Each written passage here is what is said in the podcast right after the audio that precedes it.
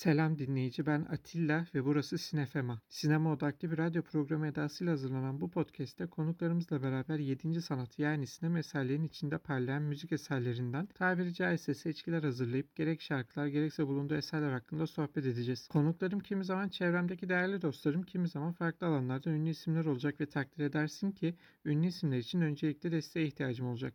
Bu yüzden şayet konsept ve sohbet hoşuna giderse dinlediğim platform Instagram ve Twitter üzerinden bana destek olman henüz acemisi olduğum bu yolda birlikte yürüyebilmemizi sağlar ki bu beni çok şanslı biri yapar. Hadi ufaktan başlayalım. Girişte çaldığımız 3 dakika 38 saniyelik harika şarkının ismi Kiss the Sky. Sean Lee'nin Ping Pong Orkestrası tarafından çalınan bu muhteşem eser benim en sevdiğin şarkı ne sorusuna verdiğim cevaptır. Böyle bir soruya kesin bir cevap vermek her ne kadar birçoğumuz için çok çok zor olsa da bu şarkı hayatıma girdikten sonra gönül rahatlığıyla en sevdiğim şarkı diyebilmem için gerekli hissi bana kesinlikle hissettirebildi. Benim en sevdiğim kalıbıyla başlayan sorulara cevap bulmak için kıstasım dünyada bir tek bu kalsa sıkılmadan tüketmeye devam edebilir miyim sorusudur ve Kiss the Sky bu soruya evet cevabı verdirtebiliyor bana. Ve hayatımın şarkısıyla tanışma hikayem de belki bu şarkıya bir tık daha değer katıyordur. Nip Tuck dizisinde duydum ben bu eseri ilk olarak. İki ana karakterimizden biri olan Sean'ın gittiği strip club'da fonda kısaca çalan bu şarkıyı bulmak benim için bayağı zor oldu. O zamanlar henüz lisede olan ben ki lise dönemim 2011-2015 yılları arasına denk geliyor.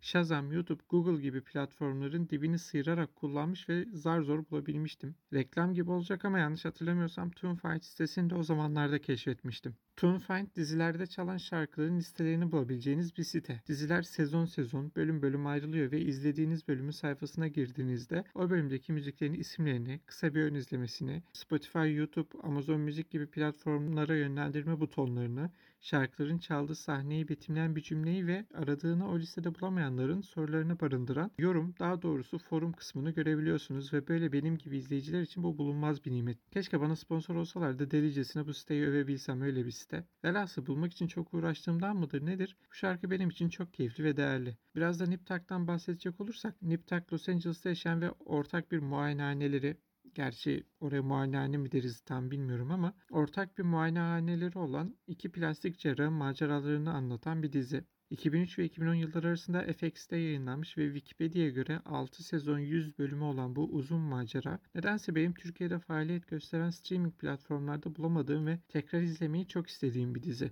Dizi cinsellik ve estetik üzerine kurulu diyebiliriz kısaca cinsel yönelimler, parafiller, özellikle estetik etmenlere bağlı psikolojik durumlar, ilişkiler, başka yapımlardan da aşina olduğumuz Hollywood yaşantısı gibi pencerelerle oldukça zengin ve gerek Kiss the Sky gibi gizli hazineler, gerekse George Michael, Billy Idol, Bonnie Tyler gibi önemli pop figürleriyle dolu harika soundtrack ile de gayet renkli bir dizi olsa da mantık ve kalite konusunda fazla doyurucu olmayan, nispeten cheesy bir yapım demek de yanlış olmaz herhalde.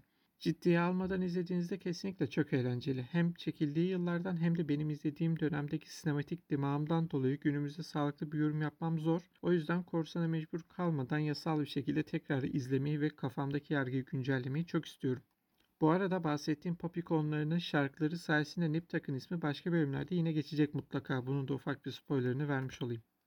Sıradaki şarkı ise benim keçi boynuzu efektli diye tanımladığım eserlerden biri. Bu keçi boynuzu benzetmesini lisedeki edebiyat hocamdan duymuş ve çok sevmiştim. Sanırım ona da hocasından geçmiş. Şöyle ki keçi boynuzu uzun, kuru, büyük oranda tatsız, tahta gibi bir meyve. İçinde özünün olduğu çok küçük ve tatlı bir kısım var. Keçi boynuzu yediğimizde aklımızda o tat kalır günün sonunda.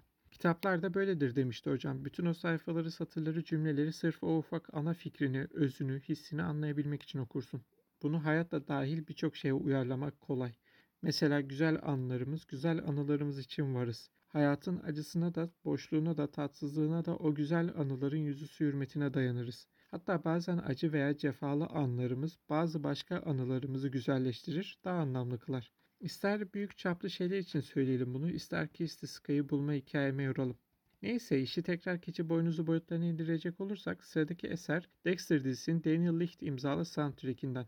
Yine kelimenin tam anlamıyla en sevdiğim dizi olan Dexter'ın henüz ilk sezonunda duyduğumuz bu müziğinde keçi boynuzu efekti var. Yaklaşık 2,5 dakikalık eserin yine yaklaşık 20-25 saniyelik bir kısmına bayılıyor olmam bu şarkıyı paylaşmaya veya listelerime eklemeye değer görmeme yeterli oluyor. Dexter yine benim ilkokuldan liseye geçiş yaptığım, liseye yeni başladığım dönemlerde başlayan bir obsesyon diyebilirim. Bir kısmını okuduğum Darkly Dreaming Dexter ya da Türkçedeki adıyla Delirtici Düşlerin Dexter'ı kitabından uyarlama olan bu dizi, Miami Polis Departmanı Cinayet Masası bölümünde kan analisti olarak görev yapan Dexter'ın ilkeleri olan bir seri katille iyi bir baba, iyi bir polis, iyi bir eş ve iyi bir kardeş olma arasındaki ince çizgide yürüme çabalarını konu alıyor. Kahramanımız çocukluk travmalarından dolayı duygulardan uzak, içgüdüleriyle yaşayan birisi ve aslında içgüdüleri onu duygusal rolü yapmaya itiyor dolaylı olarak. Dexter öncelikle öldürme içgüdüsü olan bir seri katili ama yaşama içgüdüsü, yakalanmama içgüdüsü dolayısıyla sosyal rollere ayak uydurabilmek için duygusal bir maske takmak zorunda. Seri katili asıl professional olarak düşünürsek Dexter'ın verdiği en duygusal tepkiler de işiyle sosyal hayatının kesiştiği noktalar oluyor çoğunlukla. Adli tıp, seri katil psikolojisi gibi başlıklara ilgi duymamı sağlamasıyla Sherlock Holmes ile attığım polisiye dünyasına dair bana kattığı seri katil bakış açısı penceresiyle hayatıma luminol gibi terimler sokmasıyla hatta Yalova sokaklarında bana luminol deney tüpü gibi şeyler aratmasıyla Sevil Atasoy gibi değerlerimizin önemini anlamamı sağlamasıyla GTA Vice City ile birlikte Miami sevgimi oluşturmasıyla ve sonuç olarak yıllarca nickime, kişiliğime, zevklerime ilham olmasıyla Dexter bende yeri en özel olan dizi. Hatta Dexter ile ilgili şöyle küçük bir anım var. Lisedeyken kitap okuma saatimiz vardı ve bu dersin bir sınavı olduğunu ben sınav başladığında öğrenmiştim. Sınav okuduğumuz kitapla ilgili birkaç soru içeriyordu ve herkes kendi okuduğu kitaba göre soruları cevaplıyordu. Ben sınavda Delirtici Düşlerin Dexter kitabını seçtim. Kitabı bitirmemiştim ama dizinin ilk sezonunu bitirmiştim. Bu da benim sınavı halledebilmeme yetmişti aslında. Bu arada ince bir detaya da dikkat çekmek istiyorum. Dark the Dreaming Dexter 3D yani 3D olarak tasarlanmış. Böyle kapağında falan da bu ibareyi görmek mümkün. Bu 3D tasarımına Türkçe'de de sadık kalabilmek adına delirtici düşlerin Dexter olarak çevrilmiş ve bu çok tatlı, çok takdir edilesi bir detay bence. Bu arada bu detay kitabın devamı olan Dearly Devoted Dexter'da da değerli dostum Dexter olarak devam ediyor. Tabi 8 kitaplık Dexter serisi Dexter by Design, Dexter is Delicious gibi Double D yani 2D olarak devam ediyor. 7. kitap olan Dexter Final Cut hariç ama sanırım aynı performansı Türkçe'de devam ettiremediler çünkü Üçüncü kitabın Dexter karanlıkta olarak çevrildiğini bizzat kitabı alan biri olarak hatırlıyorum. Dexter da yine farklı birkaç bölümde daha bize eşlik edecek dizilerden. Şimdilik önümüzdeki yaklaşık iki buçuk dakika boyunca bize eşlik etsin. Daniel Licht imzalı I Can't Kill geliyor efendim.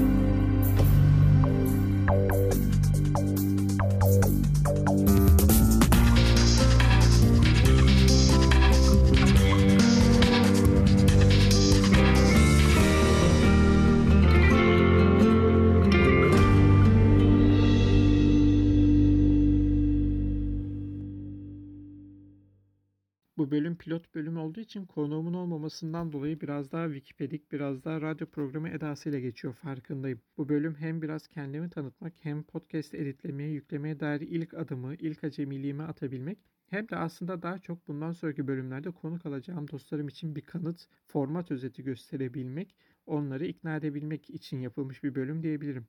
Dizilerdeki pilot bölüm mantığından bir fark yok yani aslında. Bir nevi CV kaydı bu. Öte yandan sonraki bölümler yapımlar ve konuklarımın odağında olacağı için benim kendimi ufaktan tanıtabilmem, seninle baş başa sohbet edebilmem için de iyi bir fırsat oldu aslında. Belki bir gün meclisimiz belli bir boyuta ulaştığında seni ilk bölümlerden beri dinliyorum. İlk bölümün çok güzeldi. Yine onunla benzer bir dertleşme bölümü isterim şeklinde bir talebin olur sayın dinleyici. Böyle bir isteğin olursa emin ol bunu önemserim. Bunu unutma. Konuklu bölümler daha az kasıntı, daha gülmeli, daha keyifli olacak. Bunun için çabalayacağım garantisini veriyorum. Bu benim ilk podcast kaydım ve öğreneceğim daha çok şey var. Hazır ilk kaydım demişken birazcık da kendimden bahsedeyim. Ben 96 doğumlu bir üniversite son sınıf öğrencisiyim. İçerik üretmek çok uzun süredir en büyük arzularımdan biriydi ve 2020 Mart'ında ilk bilgisayarıma aldığım gün yaptığım ilk şeylerden biri gerekli ayarlamaları yapıp Twitch'te bir deneme yayını yapmak oldu. Bilgisayarım güçlü bir bilgisayar değil ama onun kapasitesi el verdiğince yayınlar yapıyorum hala. Kimse izlemese bile severek yaptığım bir şey bu. Dextroy 14 mahlasını kullandığım yayıncı kimliğimin yansımalarını Twitch, Instagram ve YouTube'da bulabilirsin. YouTube'da henüz bir videom, Insta'da da henüz 3-4 klibim olsa da Twitch'te daha çok aktifim. Orada da oyunlar ve sinema üzerine takılıyorum daha çok. Oraya da beklerim. Yeri gelmişken söyleyeyim Sinefema'da aynı isimle Instagram ve Twitter'da erişilebilir durumda. Dexter'dan bahsederken Nick'ime ilham olmasından bahsetmiştim yani. Mahlas olarak kullandığım Dextroy'un Dex'i Dexter'dan, Troy ise Niptak'taki iki ana karakterden biri olan Christian Troy'un soyadından geliyor. Gerek Truva hikayesini çok sevmemden gerekse Christian True'yu lise yıllarımdayken fazla alfa bulmamdan dolayı Destroy kelimesiyle de kelime oyunu yapabilen bu nick'i bayağı benimsedim. Yakın gelecekte bir değişikliğe gitme gibi fikirlerim olsa da şu an uzun süredir olduğu gibi Dextro'yum. Sinemaya ilgim yine ilkokuldan liseye geçiş yaptığım yıllarda filizlendi aslında. Film izlemeyi her zaman çok sevdim ama sinemaya bakış açımın değişmesi bu yıllarda oldu. O yıllarda Hürriyet Film Kulübü vardı. Hürriyet gazetesinin her hafta sonu verdiği DVD'lerle ufaktan yapmaya başladığım DVD koleksiyonumu teyzemlerden ödünç aldığımız DVD oynatıcıyla tüketmeye başlamam bir nevi dönüm noktam oldu. Quentin Tarantino'nun Rezervuar Köpekleri filminin kutusunun arka kapağındaki film tanıtım metninde Tarantino'nun alameti farikası olan ve Hollywood'da da iz bırakan diyalog tarzını övülüyor olması benim önce Tarantino'nun sonra da diğer yönetmenlerin tarzlarını araştırmama, filmleri bu bakış açısıyla izlemeye başlamama sebep oldu. Yine aynı DVD koleksiyonumda olan Fatih Akın'ın İmjüli yani Temmuz'da filmini izlerken de önemli olan Fatih Akın oldu mesela benim için o noktadan sonra. Başta futbol olmak üzere herhangi bir takım sporuyla ilgilenen spor severlerin hayatının bir noktasında ulaştığı teknik direktörün veya koçun ne önemi var ki sorusunun cevabına dair aydınlanma gibi bir aydınlanmaydı benim de yaşadığım. Haliyle Rezervuar Köpekleri her ne kadar Tarantino'nun en iyi filmi olmasa da bana Tarantino'yu sevdirmesi ve önümde kocaman bir kapı açması bakımından yeri, anlamı en büyük olan filmdir. Haliyle kapanış şarkımız da yine Reservoir Dogs'tan gelecek. Tarantino kesinlikle müzik seçimleri konusunda tanıdığım yönetmenler arasındaki en başarılısı. Filmlerinin palplığı, cheesy'liği, karikatürizeliği herkese hitap etmiyor ve haliyle bu onu bazı kesimler tarafından kaliteli bir yönetmen yargısından uzak tutuyor olabilir ama müzikler konusunda başarısı bence su götürmez bir gerçek. Gerek en sevdiğim yönetmen olmasından gerekse müzik konusundaki başarılarından dolayı Tarantino da önümüzdeki bölümlerde bol bol bize eşlik edecek. Hazır diğer bölümlerden bahsetmişken kendimizi sıradaki kapır kapır şarkının akışına bırakmadan önce değinmek istediğim son bir nokta var. Bölüm tasarımlarını 3 şarkı benim tarafımdan, 3 şarkı da konuklarım tarafından seçilecek şekilde ve 2 eser sözlü, 1 eser enstrümantal olacak şekilde planladım. Haliyle gerek eserlerin çokluğundan, gerek bir eser hakkında karşılıklı yorum yapacak olmamızdan, gerekse konuğuma sorular soracak olmamdan dolayı bölüm süresi ve konuşma müzik oranı bu bölüme göre çok daha farklı olacak ilerleyen bölümlerde. Ayrıca podcast kültürü ve tasarımı hakkında zamanla öğreneceğim çok şey olacak. Bunlara bu samimi bölümümüzde değinmek istedim. Zira bu süreçte sunduğum format sana keyif verdiği sürece desteğin benim için çok önemli. Ses yalıtımı olmadan kulaklık mikrofonuyla ve olmayan tecrübemle kaydettiğim bu bölümler zamanla iyileşecek ve umarım sen de bu yolda bana destek olmayı tercih ederek bu ilerlemeye şahit ve hatta vesile olacaksın. Yapacağı her türlü eleştiri ve yorumlar için sosyal medya hesaplarımı kullanmayı unutma lütfen. Bu bölüm benim için çok özel bir şarkıyla başlayıp yine benim için çok özel olan iki farklı yapımdan eserlerle tamamlandı. Manevi olarak değeri olan şeylerden bahsettiğim bu bölümde bana eşlik ettiğin için çok teşekkürler. Umarım ben de geçtiğimiz dakikalarda hayatına güzel bir soundtrack olmuşumdur. Sıradaki bölümde konuşan iki farklı dima, çağından altı farklı şarkı ve üzerine konuşulacak 12 farklı eserle görüşmek üzere. Kapanışımız ağızda keçi boynuzu tadı bırakması için hareketli kıpır kıpır bir şarkı. Joe I Gotcha.